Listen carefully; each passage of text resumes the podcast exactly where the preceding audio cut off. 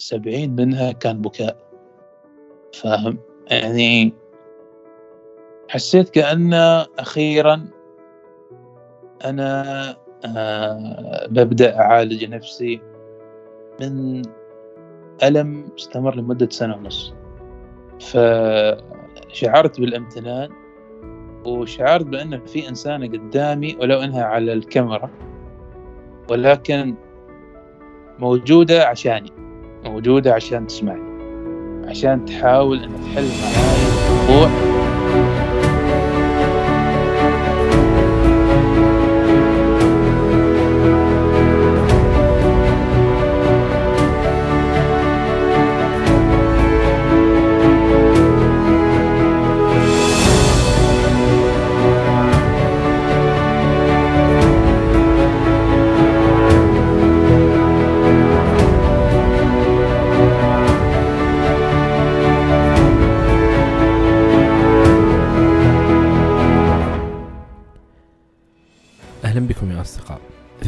الحلقة يشاركنا محمد بن عمان الحدث المهم والأساسي اللي غير مجرى حياته وهو انفصاله من كان هو في علاقة لمدة يمكن خمس سنوات تقريبا انفصل عن شريكته. وكيف إنه تغيرت حياته بعد هذا الانفصال ومتى قرر إنه يطلب المساعدة وليش طلب المساعدة؟ وكيف كانت هذه المرحلة وهذه التجربة آه، شكلته بشكل أو بآخر لفترة حتى لاحقة. آه، محمد آه، حاول يطلب المساعدة في عمان وبحث ثم حصل على فرصة أنه يحصل على العلاج النفسي عن بعد من السعودية. فشاركنا هذه التجربة كيف تغيرت نظرته للعيادة النفسية والعلاج النفسي والصحة النفسية بشكل كامل؟ كيف كان هو قبل؟ وإيش صار الآن؟ شاركنا هذه التجربة بشكل آه، مفصل. لا تنسوا يا أصدقاء تقييم البودكاست على ايتونز كذلك مشاركة الحلقات السابقة بما تحبون عبر منصات التواصل المختلفة. أي شخص حب يشارك تجربته معنا على البودكاست أتمنى منك أنك تتواصل معي على العنوان البريدي وهو أسامة وجدان تجد هذا العنوان في وصف هذه الحلقة. كذلك تجده على حسابي في تويتر. تكتب أسامة بن ريفان أو أسامة آي وإن شاء الله بطلع لك. آه، وشكرا لكم. أنا وسام من جيفان وهذا وجدان.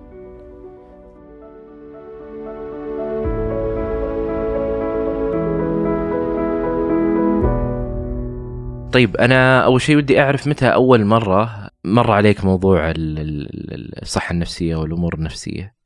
أول مرة آه، في تقريبا 2018 كنت أدرس خارج يعني منطقة بعيدة ساعتين عن منطقتي وكنت أشتغل وأدرس في نفس الوقت. كنت يعني طول يومي مشغول سواء بالدراسة أو بالشغل. فكنت حاسس بضغط نفسي وكذا. فبديت أبحث عن أطباء نفسيين قلت يمكن فيني بعض الأمور النفسية بسبب الضغط اللي عايش فيه. لما جيت وبحثت على أيام كنت طالب كان مدخولي جدا قليل فما قدرت بصراحة إني يعني أبدأ جلسات علاجية وكذا فأجلت الموضوع يعني فهذه بدايتي كانت يعني إن أول مرة فكرت في الموضوع أه قبلها هل كنت مطلع على موضوع الصحة النفسية؟ يعتبر شوي وقت مبكر لما أنت كنت طالب وبدأت. تفكر في الموضوع هذا، ليش بديت تفكر فيه في هذاك الوقت؟ فكرت فيه والله لأني كنت عايش بروحي منطقة منطقة بعيدة عن بيتنا. ومثل ما ذكرت لك كنت ما بين ضغط العمل وضغط الدراسة. وكان عندي فقط يوم واحد في الأسبوع إجازة اللي هو كان أذكر يوم السبت. حسيت يعني بضغط بس كنت يعني مضطر إني أشتغل على أساس أسدد تكاليف الدراسة. فمريت على هذا الوضع تقريبا سنتين. حتى في ذيك الفترة كنت تارك الرياضة ووزني بدأ يزيد. بعد يعني كنت مسوي إنجاز في إنقاص الوزن تقريبا 60 كيلو وكذا بسبب إن عندي ضغط دراسة وعمل ومذاكرة. عشان كذا فكرت أول مرة في الموضوع ولو إنه بشكل مبكر. مع العلم إني بصراحة يعني في فترة من الفترات كنت أحس إن اللي يعني لما أشوف في تويتر يكتبوا مثلا عن اكتئاب عن قلق عن هذه الأمور كنت يعني آه للأسف يعني كنت أشكك في مصداقية هذه الناس كنت أقول يمكن يعني دراما لا أكثر فاهم علي؟ لكن سبحان الله يعني لما بدأ الموضوع يوصلني أنا شخصيا والإنسان ما يحس بالأمور إلا لما تحصل له يجربها يعني صعب يحكم عليها من بعيد لبعيد. فحسيت بشعور الناس بصراحة. آه كنت أبحث فقط. آه بعدين تركت الموضوع. آه إلى 2020 2020 آه آه عفوا 2021 بسبب موضوع صار في 2020 يعني هو اللي خلاني آه أمر بحالة نفسية سيئة. ف كنت أسمع بودكاست بودكاست خير بودكاست وجدان وكانوا مستضيفين دكتورة نفسية آه، سعودية هي نفس الشيء. استمريت آه، أسمع لها كثير. بعد فترة قررت إني أتواصل معها يعني. فبعد ما تواصلت معها سوينا يعني مع بعض موعد وكل شيء وبديت معها جلسات. آه، إيش كان السبب اللي خلاك تتواصل؟ آه طيب. السبب في آه شهر ثلاثة شهر مارش 2020 2020 أن أنا من من كنت طالب كانت يعني تجمعني علاقة ب يعني واحدة معي في الجامعة. قررنا يعني أن نخلي الأمور رسمية. أول ما نخلص ونتخرج وكل هذه الأمور. فبأمانة يعني كانت علاقة حب يعني جميلة جدا. فوق ما تتصور. استمرت لمدة تقريبا خمس سنوات خمس سنوات وشيء في يوم وليلة الموضوع انتهى. انتهى بدون مقدمات. برسالة طويلة جت منها وأنهت كل شيء. طبعا غير هذا الموضوع أن أنا اوريدي عندنا يعني مشاكل أسرية. من يوم آه، أنا صغير. فاهم علي؟ فالخمس سنوات اللي قضيتها معاها نستني هذه المشاكل الأسرية بسبب تعاملها اللطيف معي. كنا يعني مثل الأصدقاء وفي نفس الوقت مثل الأخوان وفي نفس الوقت نفس يعني أي اثنين يحبوا بعض. كنت أشعر معها بالأمان بالإستقرار. آه، مع أن هي كانت يعني إنسانة واحدة. بس كنت أحسها عائلة. يعني أي صعوبة كانت تمر علي في حياتي كنت ألجأ لها بعد الله سبحانه وتعالى. كنت أحس بالاحتواء. الاحتواء اللي يخليني مرتاح يخليني يعني أنسى أي شيء سلبي في حياتي. لما ينتزع هذا الشيء في يوم وليلة من من من حياتي حسيت بفقد كبير وفراغ كبير. في وقت كنت توني متخرج من الجامعة وكان بدايات كورونا. يعني تعرف مارس 2020 يعني كانت بدايات كورونا. كنت أحس بال بال آه، بالوحدة برغم إني محاط من عائلة ومحاط من بأصدقاء وأنا يعني من طبعي إنسان اجتماعي وأنا محامي. ويعني تعرف المحامي عنده علاقات وعنده ناس ويعني يعني محاط بكمية جيدة من الناس. بس كنت أشعر بالوحدة. وشعرت فترة طويلة بال... بأن راحتي في الانعزال. بعد ما كنت أشعر بأن راحتي أصلا في ال... في التواصل البشري يعني مع مع الأصدقاء أو في العمل أو مع العائلة. هذه طبعا عامل الأول والعامل الثاني. العامل الثالث اللي هو أنا يعني أعاني من السمنة من صغري. وفقدت وزن في 2016 60 كيلو تقريبا. بديت شوية أعيش حياتي كذا ومع الأيام ومع الانشغال بدأ يرجع الوزن. فتراكمت علي هذه الأمور اللي أثرت علي بشكل نفسي فلذلك لجأت آه، يعني بعد فترة من المعاناة استمرت تقريبا آه، سنة وثلاثة أشهر بعدها بديت أول أول جلسة علاجية نفسية فتعتقد إنه يعني كان فيه تراكمات سابقة يعني حصل لك مثل ما ذكرت إنه الضغط النفسي اللي عندك في موضوع الدوام والدراسة ثم بعدها آه، حصل يعني هذا الانفصال آه، في نعم. العلاقة فكان يمكن هذا شوي اللي آه، كان زي المحفز لأنه تظهر الأعراض بشكل أكثر من قبل. بالضبط أنا مثل ما سبق وذكرت لك أن هذه العلاقة كانت تنسيني أي شيء سلبي موجود في حياتي فمجرد إنها انتهت بهذيك الطريقة لا حسيت آه، إن كل شيء سلبي كنت راكنه على صوب جلس يرجع لي مرة ثانية. قال يلا تعال الحين نتحاسب أنا وأنت أنا نحن والأمور السلبية. فشعرت يعني فقدت لذة الحياة بامانه جدا يعني. كيف تشوف تأثير العلاقة هذه عليك؟ من ناحية نفسية يعني أنت ذكرت أنه في نوع من ال... الأمان النفسي حتى بسبب هذه العلاقة مم. ثم هذه فجأة انقطعت في وقت هذيك العلاقة كيف كنت تشوف تأثيرها عليك؟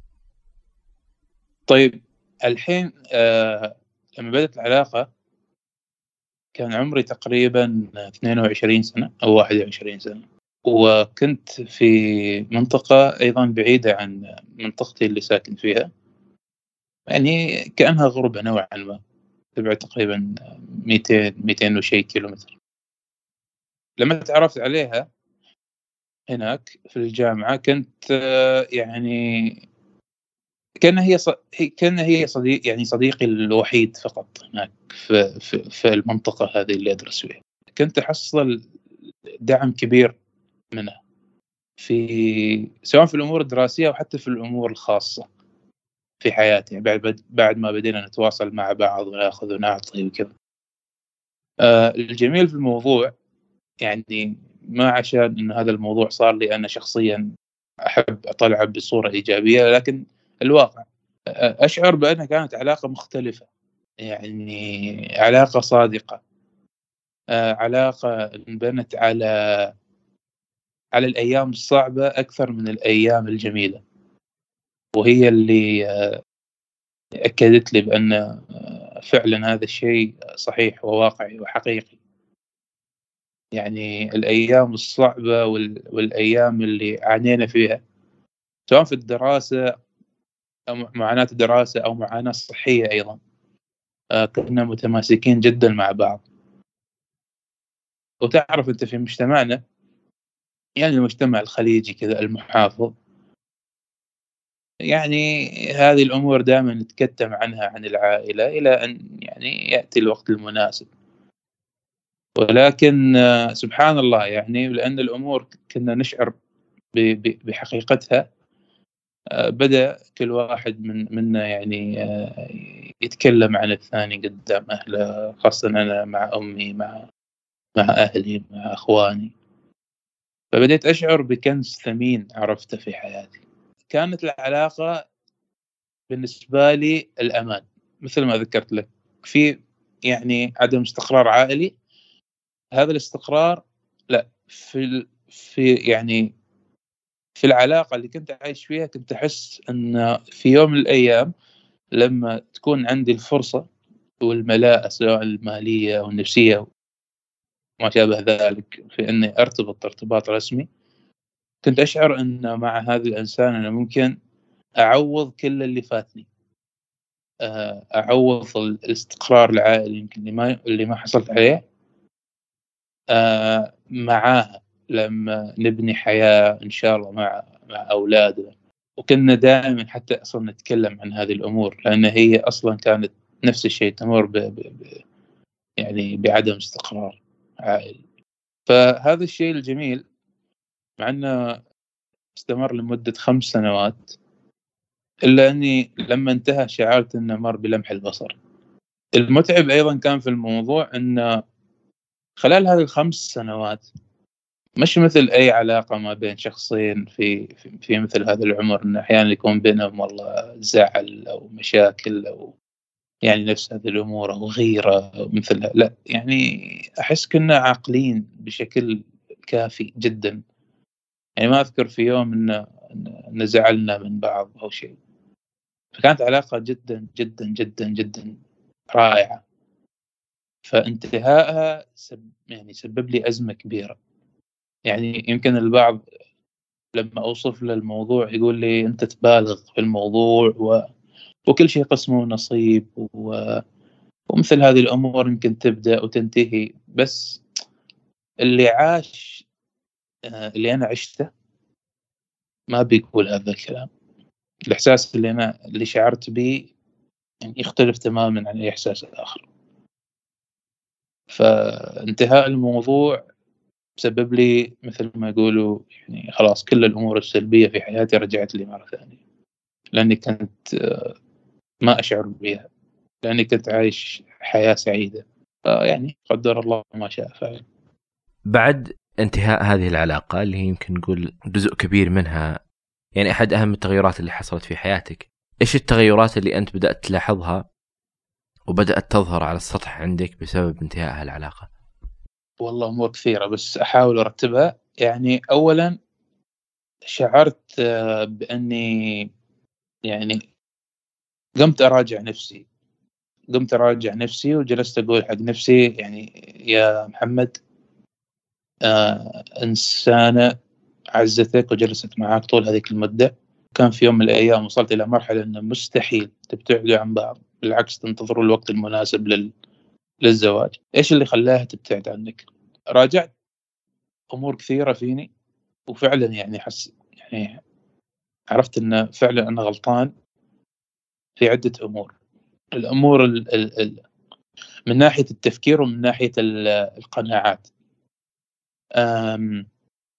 يمكن في 2019 بديت أقرأ نوعية كتب آه، مختلفة عن اللي كنت أقرأها قبل.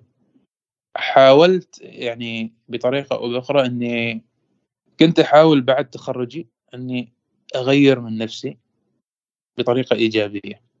طيب هذا التغيير اللي كنت أظن بأنه تغيير إيجابي آه يمكن أثر على علاقتي بالناس.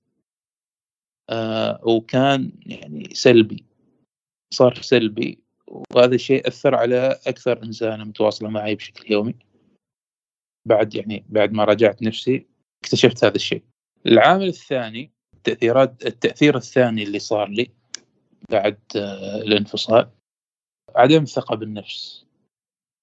يعني كنت أشعر بأن أكيد اللي صار بسبب إني يعني مش كفؤ آه، بسبب إني آه، أيضا ما بالشخصية المطلوبة عند الناس. مش جميل وزني زايد. فجلست أشوف كل شيء سلبي في نفسي. هذا الشيء الثاني. الشيء الثالث آه، كانت عندي صعوبة جدا في النوم. آه، كنت أعاني في النوم. يعني لما يجي وقت النوم وأشوف الفراش أتثاقل. أقول يا أخي ما أريد أروح الفراش لأن إذا رحت الفراش أعرف نفسي. تمر علي ذكريات سنين مضت. وأرجع للحنين وأرجع للشوق وأرجع لهذه الأمور. هذه الأمور سلبية على الإنسان تمنعه عن التقدم صراحة. نفس الشيء كانت كانت الأماكن اللي زرناها يوم اشوفها يجيني مثل انقباض في قلبي أحس أشعر به أهم عامل أو أهم تغيير شعرت بعدم استمتاعي بالحياة. كنت ما أستمتع بالحياة. يعني أنا مثلا على سبيل المثال أنا أعشق كرة القدم. يعني أعشقها بدرجة كبيرة. من من وأنا عمري تسع سنوات أشجع فريق كرة قدم أجنبي ولدرجة إني يعني كنت أسافر إلى هذه البلد عشان أحضر المباريات. ويعني وكان يعني كان عندي شغف كبير بكرة القدم.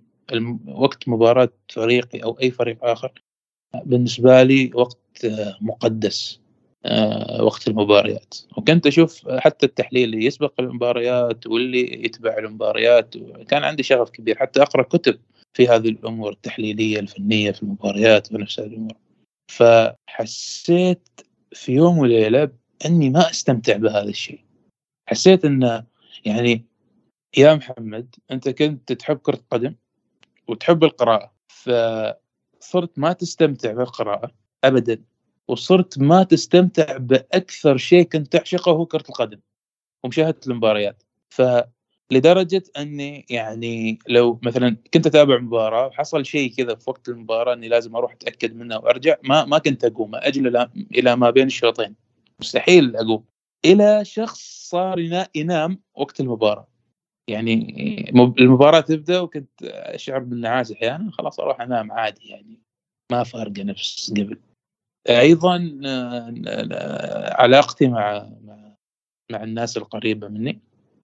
كنت أحاول آه، إني أنعزل. ما كنت أحب أشارك الناس كثير برغم إني اجتماعي كثير. بس آه، فقدت المتعة أيضا في التواصل البشري.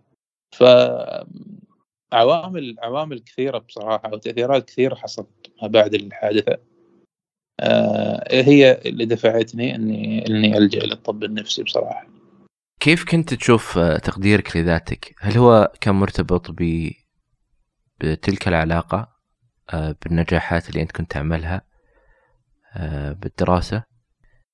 طيب هنا في نقيض في في الموضوع اللي حصل لي وبين الإحساس اللي أشعر به إلى اللحظة الحالية. أنه في الجانب المهني أنا نجحت الحمد لله في وقت قياسي. سبحان الله. آه من توظفت بعد التخرج آه اجتهدت كثير في الجانب المهني. وخلال سنتين آه وصلت من من من محامي عادي مبتدئ إلى آه شخص عنده مكتب محاماه مستقل بالشراكة يعني مع محامي آخر. وهذا الشيء آه، نادر ما يحدث عندنا يعني. وكنت أحصل أيضا عروض من شركات وعروض من مكاتب أخرى. وكنت بالجانب المهني ناجح بالرغم من الجانب النفسي السيء اللي كنت أشعر فيه. فلما كنت أروح للعمل أنا ما أكذب عليك 24 ساعة الموضوع هذا أفكر فيه يعني الموضوع النفسي. ولكن بعض الأوقات يعني يحتم علي إني إني لازم أنسى هذا الشيء لأن شغلي آه، يعني يعتمد على التركيز وفي حقوق ناس. ف... فكنت كانت بعض الأمور تشغلني وأنسى. أنسى بشكل مؤقت ثم بعد الدوام أرجع البيت ترجع لي الحالة النفسية مرة ثانية. فتقديري لذاتي من الناحية المهنية كنت إنسان ناجح ولا زلت بفضل الله يعني. وكنت دائما أقارن آه، ما بين كلام الناس الإيجابي عني ومدحهم لي وما بين إني لما أجلس ما بيني وما بين نفسي أقول لهم يعني أقول لنفسي يعني مساكين هذول الناس يحسبوني قوي يحسبوني يعني مثالي فاهم؟ وأنا أصلا في داخلي إنسان ضعيف. وإنسان منكسر. فدائما كنت أشعر بتناقض ما بين حياتي المهنية وحياتي الشخصية والنفسية اللي كنت أمر فيها. فكنت أحس إنه ما ما في توازن ما بين هذه الحياتين. طيب اللحظة اللي أنت بدأت فيها تتواصل مع الطبيبة النفسية إيش حصل معاكم؟ أول جلسة طبعا خليني أحكي لك إن أنا أول مرة آه، شفتها طبيبة على البودكاست وبعدين على اليوتيوب كنت أتابعها في تويتر. سبحان الله تواصلت مع هنا تواصلت مع أخصائيين نفسيين في عمان. بس سبحان الله ما ارتحت يعني. حتى يعني قبل ان ابدا جلسات معاهم ما ارتحت. وقت الكلام معاهم في التسجيل وكذا جاني شعور إنه لا. ما ما مرتاح فقلت ليش ما أجرب هذا الدكتور؟ طيب آه، تواصلت مع الشركة اللي, اللي ماسكة أمورهم وكذا قالوا بنسوي لك موعد ورسلت يعني الفلوس للسعودية وكذا وضبطنا الأمور. بدينا في الجلسة الأولى الجلسة الأولى أعتقد سبعين منها كان بكاء. فاهم؟ يعني حسيت كأن أخيرا أنا آه ببدأ أعالج نفسي من ألم استمر لمدة سنة ونص. فشعرت بالامتنان وشعرت بأن في إنسانة قدامي ولو أنها على الكاميرا ولكن موجودة عشاني موجودة عشان تسمعني عشان تحاول أنها تحل معاي الموضوع اللي تعبني اللي غير مجرى حياتي. في بد... في أول جلسة كان النقاش عام كانت تحاول تحصر المشاكل اللي اللي يواجهها. ولما خلصنا الجلسة الأولى أعطتني بعض الواجبات الأسايمنت يعني إني أحلهم. فيها أسئلة. أسئلة عن حياتي عن عن الماضي عن الحاضر. ف الأسئلة هذه لما لما لما كنت أجلس وأحلها كنت أحاول أجلس في مكان هادي. وكل سؤال أجاوب عليه مش لمجرد الإجابة لا أحاول أستذكر فيه بعض الأمور مهمة. وأحاول إني أساهم بنفسي في علاجي عن طريق الأسئلة هذه. كان كان ما بين الجلسة والثانية تقريبا فترة طويلة تقريبا شهر أو ثلاث اسابيع ثلاث أسابيع. آه، خلال الفترة هذه كنت أشعر بالانزعاج كثير. كنت أشعر بأن لا أنا أريد كل أسبوع أحس بنفس الإحساس اللي حسيته لما جلست مع الدكتورة. الإحساس اللي عبارة عن في احتواء وفي شخص يسمعك وما يحكم عليك. خاصة بأن موضوعي يعني نوعا ما في حساسية مثل ما ذكرت لك. يعني نحن الخليجيين يعني محافظين وكذا وبالنسبة لكثير منا أن هذا الموضوع غلط يعتبر. فهي ما كانت تنظر للموضوع من ناحية صح أو غلط هي كانت تنظر من الموضوع بأنه حصل والآن محمد جالس يعاني منه. فحسيت براحة كبيرة في الكلام معه. آه جت الجلسة اللي اللي اللي تليها. بدينا نتكلم أيضا عن أمور أخرى. وذكرت لها وكنا نتكلم عن العوامل المؤثرة اللي هي عدم الاستقرار الأسري العلاقة اللي يتحد اللي يتحدث عنها وأيضا موضوع السمنة. ف مع مرور الجلسات شفت أن الموضوع بدأت بعض الأمور تتلاشى ويبقى الموضوع الرئيسي اللي هو آه، موضوع العلاقة. بدينا نركز فيه أكثر. لأنك كل ما تسألني سؤال أو كل ما تحاول تجيبني من طريق بطريق أرجع للطريق اللي اللي أنا أعاني منه. الموضوع اللي أنا أعاني منه. فبدينا نركز فيه. ولما بدينا نركز فيه بديت أشعر بأن لا أنا فعلا اخترت اختيار صحيح.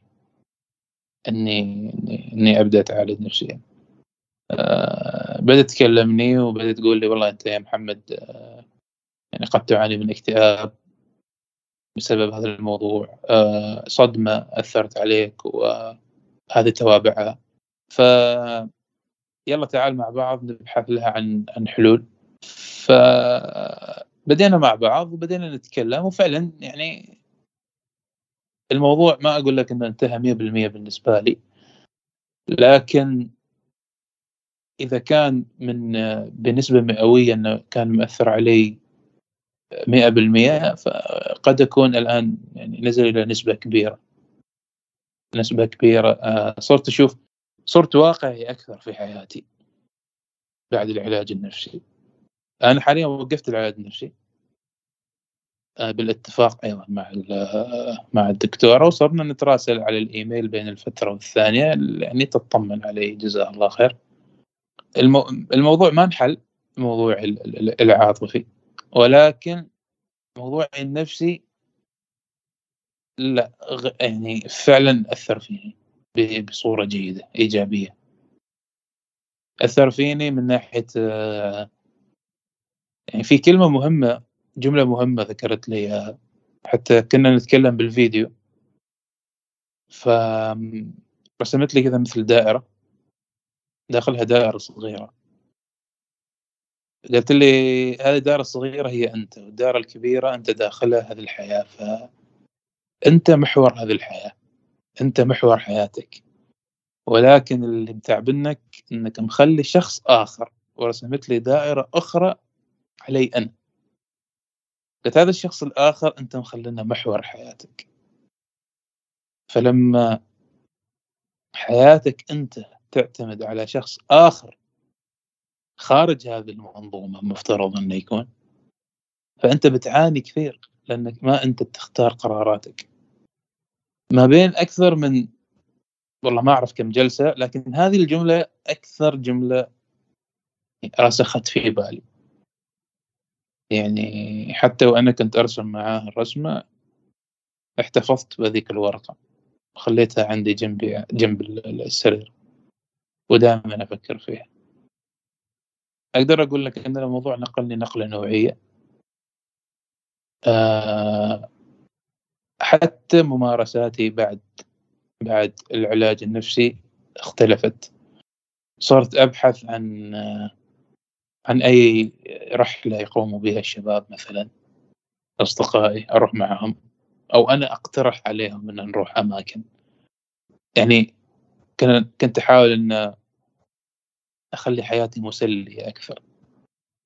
بدأت بدأت أرجع للشيء اللي كنت أحبه كثير كرة القدم. بديت أرجع أتابع بشغف. بديت أحب جلسات الناس. والتواصل البشري وأصدقائي وصرت أقضي معهم وقت طويل بعد الدوام. قررت إني أعمل عملية اللي هي عملية السمنة. وعملتها الحمد لله قبل شهر ونص. جالس وزني ينزل. بديت أحس براحة نفسية. فالعلاج النفسي لما لما دخلت فيه كأنه وجهني للطريق الصح. رجعني نوعا ما للحياة. أي نعم الموضوع العاطفي بعدني أفكر في كل شيء. هذا شيء طبيعي. ولكن يمكن انقلب من أن الموضوع كان آه، يسيرني على كيفه إلى لا أن الموضوع صرت أقدر أتحكم فيه. وهذا بالنسبة لي إنجاز كبير. وأنا أعتبره نجاح من الدكتورة. جزاها الله خير. آه فبديت بديت أحب الحياة من الناحية المهنية. مثل ما ذكرت لك افتتحت لي افتتحت لي مكتب الاستشارات عملت عملية سمنة ووزني جالس ينقص. بديت بدأ بدأت الثقة بالنفس ترجع لي أكثر. شغفي في كرة القدم بدأ يرجع لي أكثر. مع أن فريق يعني مش ولا بد نتائجه لكن يعني يعني الحمد لله بصراحة فرق فرق كبير يعني. وأعطتني حلول. طبعا أعطتني حلول في في, في الأمور الأمر العاطفي هذه لكن يعني بعض الأمور حاب إني أتحفظ بها. آه، طيب الفترة هذه فترة يعني آه، العلاج ويعني أنت مثل ما ذكرت يمكن هي ليست فترة طويلة آه، وما كانت يعني ما كانت الجلسات أصلا يمكن متعددة ولا كثيرة لكن اللي اللي تغير واللي حصل إنه ممكن أنت كنت تنظر للأمور من زاوية الدكتور اخذت اخذتك بدل ما تنظر يمين المفروض تناظر بالنص أو باليسار أو فوق أو تحت. آه، الفكرة هي ما إنك ما تغير آه، جزء من حياتك أو تغير نظام حياتك بقدر ما هو يمكن نظرتك للأشياء اختلفت وتغيرت. بالضبط بالإضافة إلى التفكير في النعم. يعني آه لما كنت أتكلم معاه كانت يعني دائما تسألني أسئلة لما أجاوبها أشوف نفسي ان أنا والله في نعمة. فاهم علي؟ ف ولما أجاوبها وأخلص الجلسة أجلس بيني وبين نفسي أقول فعلا محمد أنت عايش في نعمة. أي نعم أنت ممكن ما ما عايش بالطريقة اللي أنت تريدها مثلا من الناحية العائلية لكن في النهاية أنت تعيش مع أمك وتعيش مع أبوك وتعيش وسط أخوانك. محمد يمكن تعاني من بعض الأمور لكن انت الحمد لله موظف وعندك سيارتك الخاصة وعندك غرفتك الخاصة في حين أن بعض الناس في بعض الأمور اللي أنت تمتلكها وتمتلكها وتحس أنها عادية في ناس بالنسبة لها هذا يمكن حلم. فاهم؟ كانت تركز كثير على موضوع الشعور بالامتنان. وأنا أنا وأنا هذه الكلمة كنت أسمعها بس ما كنت أركز فيها كثير.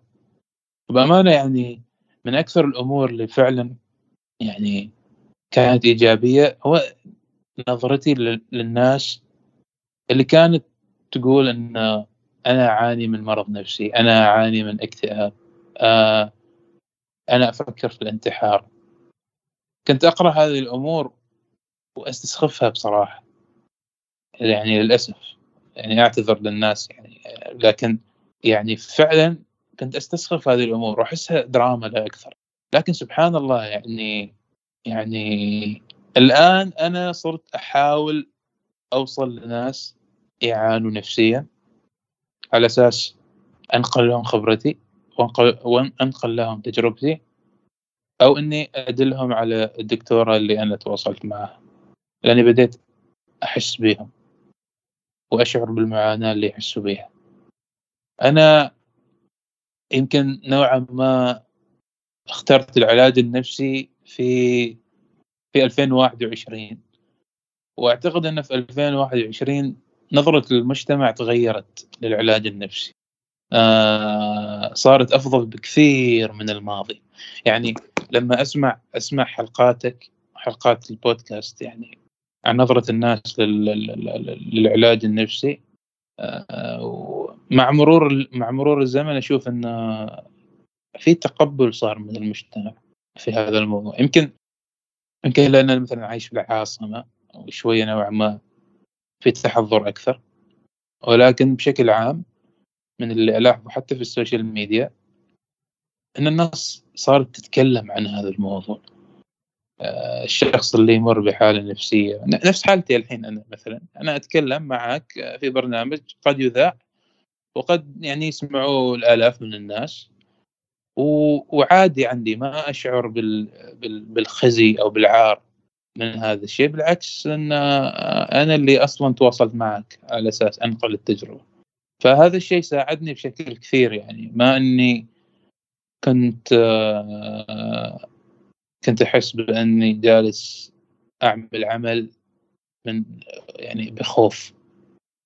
لا حسيت بثقة كبيرة وأنا أقوم فيه يعني. لأني شفت كثير ناس مروا فيه. وبعد ما سمعت البودكاست معك أيضا وغير بودكاست شفت لا إنه في في في نتائج. يعني الناس تتكلم وتطلع بنتائج في نهاية الحلقة. يقول والله وصلني إلى كذا إلى كذا إلى كذا. فقلت أنا لازم أوصل لهذا الحل. لأني كنت أسير الأمور النفسية السلبية اللي تحصل لي. كانت على قد ما جالس أتقدم من الناحية المهنية جالسه تحاول ترجعني ورا تحاول ترجعني ورا. أي شيء كنت أستمتع به في حياتي يعني تعيد الأمور النفسية تخليني أعيد النظر فيه. يعني على سبيل المثال أنا أحب الغناء كثير. أحب الغناء وأحب مثلا أعشق آلة البيانو. بس آه، في الفترة هذيك اللي كنت أمر فيها بأمور نفسية كنت أقول لا لا لا, لا ما لازم أشتري وأتعلم وليش وأنا كبرت خلاص الحين ليش أرجع أتعلم مرة ثانية؟ لكن بعد سبحان الله يعني بعد بعد ما جلست العلاج النفسي وكل شيء والله رحت اشتريت لي بيانو وجالس يعني أتعلم عليه وزادت النشاطات في حياتي. يعني طلعت من كأني كنت في سجن حابس نفسي بنفسي فيه إلى نوع من الحرية بامانه فنقلة كبيرة أنا أشعر بها ولله الحمد. الآن بعد تجربتك هذه تجربتك لل خضوعك للجلسات العلاج النفسي آه، والتجربة اللي مررت فيها آه، كيف نظرتك للأمور النفسية؟ آه، مثل ما قلت أنت تغيرت موضوع نظرتك لها أو الناس اللي يتكلمون أو أنهم دراما أو شيء. كيف كيف تشوف أنه تغيرت نظرتك تجاههم؟ تغيرت لأن لما صرت أقرأ اللي يكتبوه أو أسمع اللي يقولوا في في, في مواقع التواصل. آه، أستذكر أيامي وأقارن العوامل اللي تحصل لهم واللي يتكلموا عنها باللي حصل لي أنا. واللي حصل لي أنا حقيقي لأني شعرت به وعشت به فأعرف إنه حقيقي فهذا الشيء ينعكس على على الشيء اللي اقراه قدامي الشخص لما يتكلم عن هذه الأمور أشعر يعني أحس فعلا إنه صادق لأنه ما وصل لهذه المرحلة وتكلم عنها إلا هو فعلا يحس بأمور سيئة في حياته أذكر في الفترة اللي أنا كنت قبل العلاج النفسي فكرت إني أنتحر يعني فكرت إني أنتحر. ب... ب... يعني لما بدأ الموضوع يعني أو مثلا خليني أقول لك لما كنت أشوف الناس تفكر بالانتحار مثلا في ال social media وكل هذه الأمور آه، كنت على طول آه، أفكر فيها فيها من الوازع الديني وانه والله هذا عنده نقص من الوازع الديني و وما وصل لهذه المرحلة إلا لأنه ما يؤمن بالله سبحانه وتعالى. لكن بعد اكتشفت العكس يعني. يعني أنا الحمد لله رب العالمين يعني مؤمن. والحمد لله يعني علاقتي مع ربي جيدة الحمد لله. ولكن وصلت إلى مرحلة كنت أشعر إني كنت أشعر بأني يعني يمكن وصف وصف غريب لكن كنت إني مو يعني مثل ما يقولوا كيف أوصف لك؟ إني ملزوم أعيش هذه الحياة لكن أنا ما أريد أصلا أعيشها. فاهم علي؟ يعني إني إن أنا عايش لأني لازم أعيش. ولا ولا أصلا أنا لو باختياري ما أريد أعيش لأني فقدت المتعة في الحياة وهذا أسوأ شيء وصلت له بأمانة. يعني يمكن هذا الشيء ما ذكرته في بداية اللقاء لكن يعني الحين تذكرته مع الكلام. هذا هذه أسوأ مرحلة وصلت لها. أسوأ مرحلة. يعني أنا أنا ساكن آه، في ملحق فوق البيت. يعني أطلع من غرفتي عندي سطح على طول سطح البيت. فعدة مرات كنت أفكر في إني لو رميت نفسي وانتهت حياتي راح ارتاح. يعني خلاص ما فيها حسابات ما فيها آه تفكير في المستقبل وين بوصل في المهنة اللي أنا أشتغل فيها. برتاح من ال ال الاشتياق والحنين إلى الماضي. برتاح يعني تنتهي الحياة وخلاص. وما كنت أفكر إنه والله الانتحار آه، شيء سلبي لأن كنت أقول الله سبحانه وتعالى يحس باللي أنا أحس به. ويعرف اللي أنا أحس به. فهو راح يغفر لي في النهاية بس كان عندي خوف من. إني أقدم على هذه هذه الخطوة وذكرتها طبعا للدكتورة ويعني آه، جلست تحسسني بال... بالامتنان وبالنعم اللي أنا عايش فيها فسبحان الله يعني سبحان الله الأمور تغيرت بشكل سريع يعني يمكن معاها أنا ست جلسات على ثلاثة أشهر. لا تغير تفكيري. الحمد لله رب العالمين. الحمد لله. وللعلم يعني أنا قبل قبل ثلاثة أسابيع كانت في إنسانة في تويتر كاتبة رسالة انتحارية و وفي وحدة تواصلت يعني معنا وقالت انه في إنسانة كتبت كذا كذا. ونريد شخص يوصل لها و... ويتكلم معها الحمد لله يعني الحمد لله رب العالمين قدرت أوصل وقدرت أتواصل معها وأكلمها وأقابلها و... والحمد لله بنفسها يعني اقتنعت بهذا الموضوع وغيرت رأيها تماما. الحمد لله رب العالمين. فأحس انه مش نظرتي بس أنا تغيرت للموضوع لا أنا صرت أطمح بأني أنشر هذا الوعي وأساهم فيه. لأن اللي أنا مريت به ما أتمنى أي إنسان يمر به بأمانة. الحمد لله رب العالمين. طيب إيش ممكن تقول للأشخاص اللي مترددين في موضوع زيارة المعالج النفسي؟ اولا خلينا نتفق على أن العلاج النفسي سعره غالي. بأمانة يعني. سواء عندنا هنا في عمان أو عندكم في السعودية. أنا أنا تعالجت بال يعني بالستاندر تبع السعودية. اللي ممكن تكون عنده الملاءه المالية يلجا للطب النفسي. صراحة تعتمد كثير على الملاءه المالية. آه الشيء الثاني أنا اكتشفت إنه هنا في عدة أطباء آه نفسيين أو أخصائيين نفسيين. آه، إذا شافوا بعض الحالات المستعصية أو الصعبة يخفضوا في الأسعار. ونفس الشيء قد يوصلوا إلى مرحلة أنه يعطوا علاج مجاني لفترة معينة. بس الإنسان لازم يقدم على هذا الشيء. سبحان الله أحيانا الإنسان يمكن منذ الصغر يشعر ب... بأمور معينة. هذه الأمور قد يعني قد الإنسان يعيش فيها عشرين سنة أو أكثر من عشرين سنة. وقد تذهب في لقاء أو لقاءين مع طبيب نفسي أو أخصائي نفسي. فأحيانا نشعر بقيود مقيدتنا عن التقدم عن النجاح عن العيش بسلام عن العيش بفرح. هذه الأمور يعني أبدا ما لازم نخلط ما بينها وما بين الأمور الدينية. آه، إن أنا والله ما مستمتع بحياتي لأني يمكن ما أصلي أو لأني آه، ما أقرأ قرآن. لا بالفعل العلاقة مع الله سبحانه وتعالى مهمة جدا في في, في الطمأنينة وفي الراحة لكن الأمور النفسية مختلفة تماما وما فيها أي علاقة بأن الإنسان عاصي أو إنسان غير قريب من ربه بالعكس. أصلا محاولة الإنسان في إيجاد حلول للعيش بطريقة آه، فيها راحة أنا أؤمن بأن هذا الشيء يرضي الله سبحانه وتعالى على أساس الإنسان يكمل حياته. ويعيش حياته اللي اللي انخلق عشان يعمر الأرض وعشان يعيش بسعادة أيضا عشان ويعبد الله سبحانه وتعالى. فالعلاج النفسي يعطيك عامل كبير فانك يعني تعيش حياتك بدون أن تحمل ثقل في في داخلك. وهذا الثقل ما ممكن ان أي إنسان عادي آه، يحل لك إياه أو يشيلك يشيل هذا الثقل من من داخلك. فتتوجه لشخص أخصائي. يعني نحن في كل أمورنا في حياتنا آه، نلجأ إلى شخص أخصائي في عمل معين. يعني نحن لما السيارة عندنا تخترب بنروح شخص أخصائي في الميكانيكي. آه، أيضا في الطب اللي هو الطب العادي مش الطب النفسي نحس بآلام بنروح عند طبيب.